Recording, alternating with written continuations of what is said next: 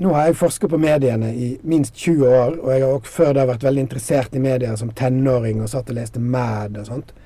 Og at den medieteknologiutviklingen har gått mot at det, det teknologiske elementet får stadig større makt eller styrke overfor det enkelte mennesket særlig, men også overfor sosiale grupperinger, slik som en avisredaksjon eller en, en allerede etablert institusjon. Det teknologifenomenet er mye, mye sterkere enn disse andre menneskelige kreftene i ganske mange sammenhenger. Det er svært interessant, og eventuelt også skummelt for framtida. Men der vil jeg være. Jeg vil forske på det resten av livet, egentlig. Det å, forstå meg best mulig på dette teknologifenomenet og, og veksten i gjennomslagskraft for teknologi i forhold til mennesker. Det sa Lars Nyre. Han er professor ved Institutt for informasjons- og medievitenskap ved Universitetet i Bergen. Og mitt navn er Arne Krumsvik.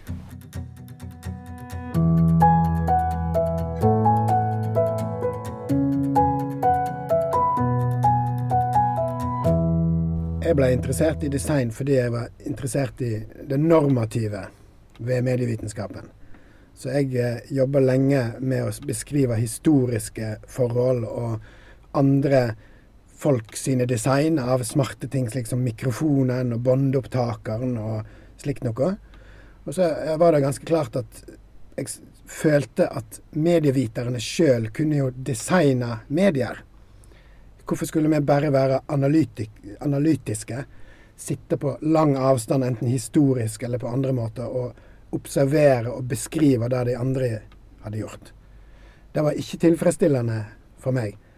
Men når jeg skrev doktorgraden, så husker jeg veldig godt at min veileder Anders Johansen var klar på at det fikk være et annet prosjekt. Nå fikk jeg skrive doktorgrad av klassisk type. Så da hadde det også opparbeidet seg et slags behov for å bli mer proaktiv, eller mer engasjert i den, som da i realiteten er den teknologiske utviklingen. Så da vil jeg si det bygde seg opp et behov for å bli mer eh, konkret på at nå må vi kunne lage sånne medier. Det, sånne medier er bra for samfunnet, mens andre medier ikke er så bra for samfunnet. Da er det en akademikers eller en forskers eh, plikt å arbeide mot det som vil være bra for samfunnet. Når du sier du, du har et normativt utgangspunkt, så tenker du at det, det er sånn mediene burde ha vært? Nemlig. Og jeg tenker òg at design alltid er normativt, faktisk. Så det kunne jeg kanskje ha sagt. Men altså, du kan på en måte ikke designe noe uten å ta stilling til enten noe veldig trivielt og lite med hvilke farger det skal være, eller noe veldig viktig og stort med hvordan eh, det i beste fall kan innrette hele denne aktuelle praksisen eller samfunns... Eh, et eller annet aspekt ved samfunnet på en ny måte. Hvordan går det fram da når du skal studere media på denne måten? Jo, Da er en alltid nødt til å være flere folk. Det er helt utenkelig å gjøre det alene, etter mitt syn. Så det er teambasert. Du må ha teknologer av ulike slag. Du må ha selvsagt noen som kan programmere, eller hvis det var tidligere, så kunne det vært elektronikken i det. Men i vår tid så vil det vanligvis være programmeringen.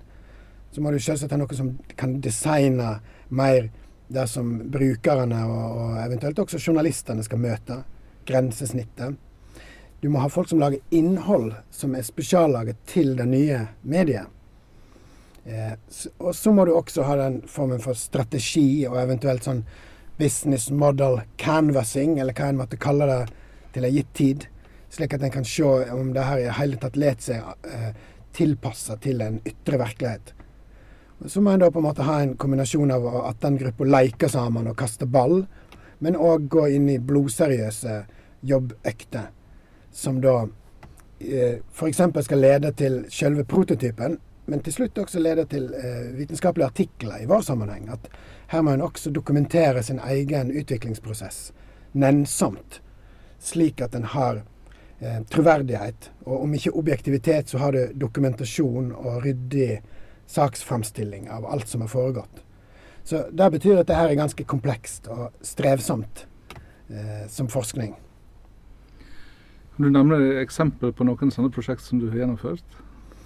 Ja, jeg eh, begynte med det her i mitt postdoc-prosjekt, som var på midten av 2000-tallet. Så i, i 2005 da uh, lagde vi demostasjon. Det var da en snakkeradio på internett som hadde som formål å ha minst mulig journalistisk innvirkning utover et slags form for sendeskjema eller en slags sånn tidsplan og en sånn sette folk på lufta og ta de av igjen-plan. Og, og et tema. Alt annet skulle da foregå ved mest mulig med vanlige folks diskusjoner og, og dialoger. Det var veldig interessant. og Det var nok helt klart et prosjekt som ikke hadde livets rett, hvis vi snakker om det her med å bringe det ut i samfunnet. Det var veldig krevende for de som var med, og det var noe av og til også veldig kjedelig å høre på for de som liksom bare skulle ha lytta. Men vi hadde vakre øyeblikk i det prosjektet, fordi at vi, vi hadde ganske mange som var med, og vi drev på i flere uker. Og vi hadde en lastebilsjåfør fra Balestrand som formulerte seg omtrent som Habermas. Det var fantastisk å høre han si så godt som ordrett det samme som Habermas sa i noen av sine oppfattelser om hva offentligheten har slags rolle, og hva som er viktig med offentligheten. Og vi hadde diverse andre øyeblikk som òg gav oss håp. Altså at vanlige folk fint kan delta i en ordentlig radiodiskusjon. Eh, men eh, det var et prosjekt som munna ut i vitenskapelige artikler og bachelorgrader og forskning, da, men ikke i å bli til et ekte medium, eller til å bli f.eks. tatt opp i NRK P1, som var min drøm i startfasen. Dette skulle bli et, et format som NRK kunne bruke. Der ble det ikke noe av. Nei, Så det ble en slags oppfinnelse som aldri ble en innovasjon? Og det er faktisk nesten uh, definisjonen på uh, mediedesign så langt. Det er et veldig ungt fag. Det er kanskje ikke det er et fag engang. Slik at omtrent alle prosjekt jeg selv, eller alle jeg har vært med i, og omtrent alle andre prosjekt jeg har hørt om, har endt som fine, flotte publikasjoner og masse erfaring og sånt, men ikke som et ekte medium eller en ekte praksis ute i samfunnet. Hvorfor er det sånn, tror du? Det er et interessant spørsmål. Jeg tror jo at en delforklaring er at akademikerne er ikke alltid de flinkeste til å forstå hva som fungerer ute i samfunnet. Vi har veldig lyst til å utforske muligheter. Vi kan være veldig kreative og, og systematiske og grundige, men vi har ikke nødvendigvis eh, en skikkelig følelse for hva som vil fungere. Jeg tror òg at mange akademikere syns det er direkte kjedelig, hvis jeg skal være ærlig. Det å skulle gjøre brukerundersøkelser i, i, i, som er innrettet på å ta dette her opp en, på en skole eller i et, et eller annet miljø, kan bli kjedelig. Men jeg tror nok jeg skal legge til enda en grunn, og det er at, at uh, en, en, lager ofte ting som på en eller annen måte krasjer mot det som foregår i samfunnet på det rådende tidspunkt. Det skal veldig, veldig mye til å få til et, liksom en ny medieformasjon ute i samfunnet. Det er noe som nesten ingen kan planlegge seg fram til. Og selv om det høres veldig flott ut med Google og Facebook og sånt, så har jo de òg på en eller annen måte bare oppstått i en et hav av gunstige tilfeldigheter og snedig strategiforståelse av den tilfeldigheten. Og, um, og, at et lite team på et universitet skulle da klare å komme med noe som kunne vokse opp der. Det har skjedd. Facebook er et slags eksempel på det. Da. Men det er svært krevende, tror jeg. Og det vil mer være 999 ganger det ikke skjer. Men kan, kan dere ha forklaringer på um utfordringene du og dine har hatt, at dere er for nær det eksisterende. Altså, Journalister er jo veldig lojale mot sjangerne sine. Mm. Det er nesten et religiøst forhold til sjangere. Det har du helt klart rett i. Og jeg er med i et prosjekt nå som heter Inject. Som er et, et stort EU-prosjekt for å lage eh, kreative støtteverktøy for journalistene. For journalistene. Og Der har vi helt klart funnet ut at vår største barriere er ikke at teknologien ikke er god eller effektiv etter ordinære standarder. Det er en skarp uvilje mot å bli påført kreative verktøy. Hvorfor skal jeg bruke det? Eller det passer ikke inn i redaksjonen vår. Eller jeg har det altfor travelt fra før av. Så det er en god del liksom, barrierer mot innovasjon som ligger i folks holdninger. Eh, det gjelder også helt garantert for mer for prosjekt som var rettet ut mot vanlige folk, og ikke en profesjon. Men jeg tror det er kanskje spesielt vanskelig i journalistikkprofesjonen. da. Hvordan er det med studentene? Er de mer åpne for, eh, for nye, nye innfallsvinkler? Når studentene eh, begynner på et kurs der de skal gjøre noe sånt, da er, de veldig flinke. Eh, jeg har hatt en god del kurs der eh, målsetningen er at studenter blir delt opp i grupper, og så skal de nå, skal de være innovative og kreative og lage en VR-journalistikkhistorie, f.eks. Og da er de det òg. Helt klart. Og jeg vil jo også si at en del studenter er ganske sånn spenstige i tanken generelt. Men så må jeg også legge til at eh, ingen tvil om at eh, jevne massen av studenter følger litt flyten.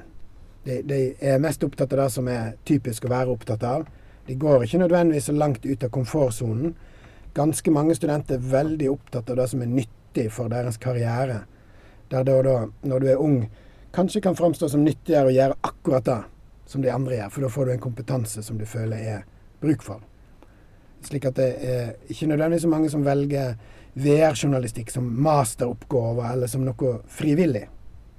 Men jeg vil si at når det er inni i en ramme der leiken er klar, altså nå skal vi leke med det her, da, da kan det fungere veldig bra. Og da er de de mest innovative, eller, eller spenstige egentlig, av alle.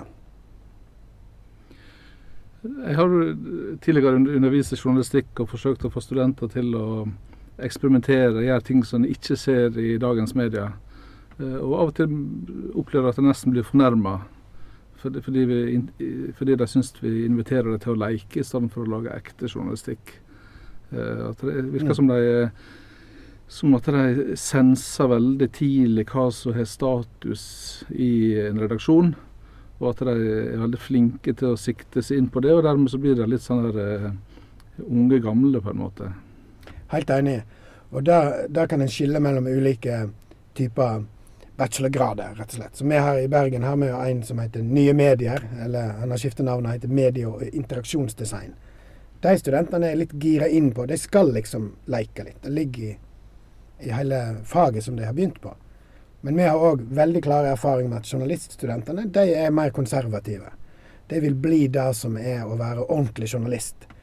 Og det er jo ære være dem for det. De vil jo òg lese presseetikk, og de vil drøfte problematiske forhold med, eh, med ulike saksforhold.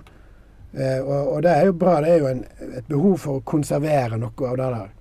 Men dilemmaet oppstår hvis, hvis det er, kanskje er i journalistikken det også er bruk for nyvinninger som kanskje attpåtil nettopp kunne komme fra de yngste. Fordi at de ofte har et avslappet forhold til Snapchat, eller de kan, de kan bruke mange av de nye mediene på en veldig sånn lett og ledig måte og være mer fleksible. Og så er det samtidig ofte de som da ikke vil i en del sånne sammenhenger. Journalistikksammenheng særlig. I Bergen nå så har dere flytta inn i mediebyen, eller Media City som det heter. Eh, sikkert dere har både Eh, flere store mediehus i armlengdes avstand. Eh, vil det gjøre det lettere å få disse profesjonelle i, i en dialog om hva bedre det kunne ha vært annet enn det de er i dag, tror du? Ja, jeg er litt optimist der, da. Jeg er selv ansvarlig for et kurs der vi har studentgrupper som har ekstern praksis, eller de har praksis i bedrifter som hovedsakelig nå har flyttet inn i mediebyen. Eh, og der vi har funnet ut eh, det er et gammelt uttrykk, men altså mulighetsstudie. Det er noe som de studentene kan gjøre på vegne av de firmaene, og som er til nytte for begge parter. Det har vi nå hatt et visst hell med. Da snakker jeg om teknologiske altså prototyper som er lagd for å liksom, Ja, kan vi bruke HoloLens? Microsoft HoloLens. Kan vi i Vimond bruke det til noe? Aner ikke. La oss sjekke om den studentgruppa klarer å finne på noe fornuftig med denne hololensen. Vi har òg andre eksempel, og, og, da er dette her med at de i hvert fall kan på vegne av den bedriften egentlig sjekke ut et eller annet. Det er vi da i ferd med å formalisere litt mer som en, et, et, formål med det aktuelle kurset. Det har jeg litt tro på. At Noen ganger var det kanskje en bommert, men det, rent sånn teknisk eller det var ikke så gode muligheter, men studentene kan skrive veldig gode bacheloroppgaver om det. Eh, firmaet lærer at det ikke var så lurt. Altså, eller i hvert fall de får sterk dokumentasjon på at det ikke er vits i. Så det er litt ålreit at det krever ikke suksess for å ha vært nyttig. Ja, det er diskusjon, Diskusjonen om det virker eller ikke virker som er det mest interessante. Ja, og eventuelle konklusjoner om at det da er verdt å satse på, eller ikke verdt å satse på. Du har fortalt litt om, om hvordan du går fram som forsker, men du, da står der med et nytt kull med studenter og skal bruke denne tilnærminga for å undervise. Hvordan er det dere gjør det i praksis? Vi må jo da altså ha en god del faglærere med ulike kompetanser, så det er veldig krevende eh, organisatorisk med sånne kurs. Så hvis det da er 20-25 studenter, så må vi ha en ganske mange grupper med fire-fem studenter i hver, og de må ha spesialiseringer innenfor der igjen, eh, som de faglærerne vil da følge opp. Eh, og nå har vi begynt å kalle det her eh, innovasjonspedagogikk. Vi ser at det er en måte å utforske tekniske muligheter på, der det ikke liksom Du kan ikke ha et krystallklart pensum som du enten var flink til eller dårlig til. Det er vanskelig å være ordentlig rettferdig med karaktergivning på sånne kurs. Eh, fordi at de skal kunne utforske ting i disse gruppene da, som går i litt ulike retninger innenfor f.eks. VR-journalistikk.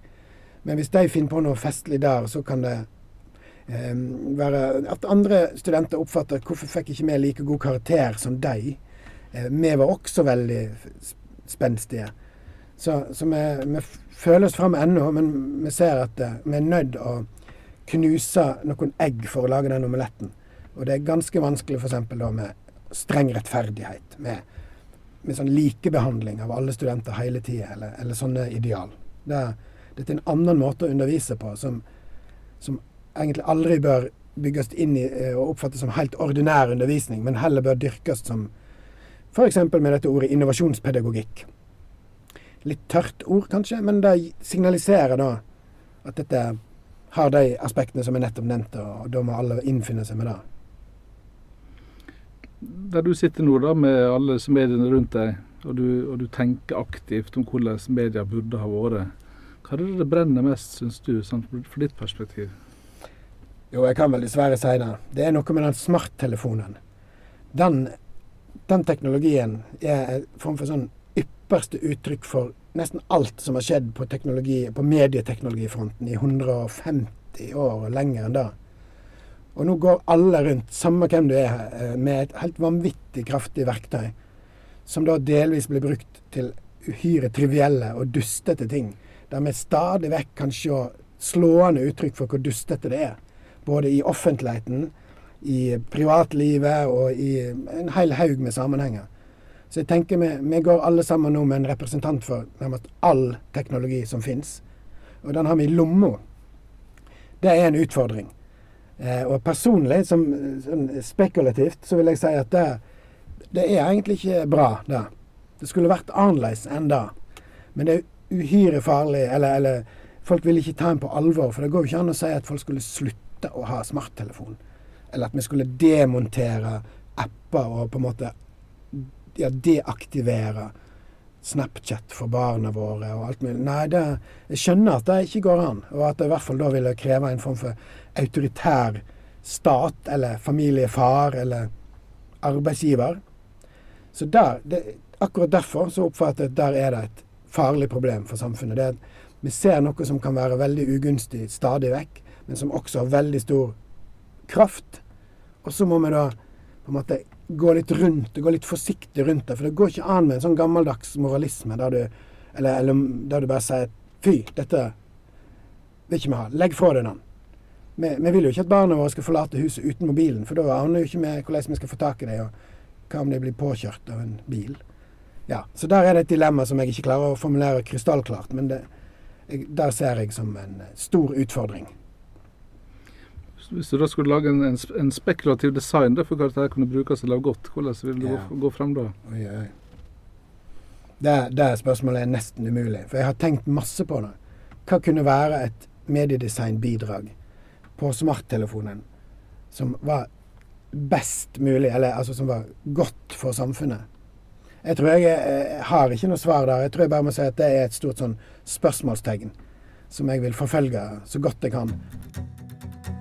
Thank you.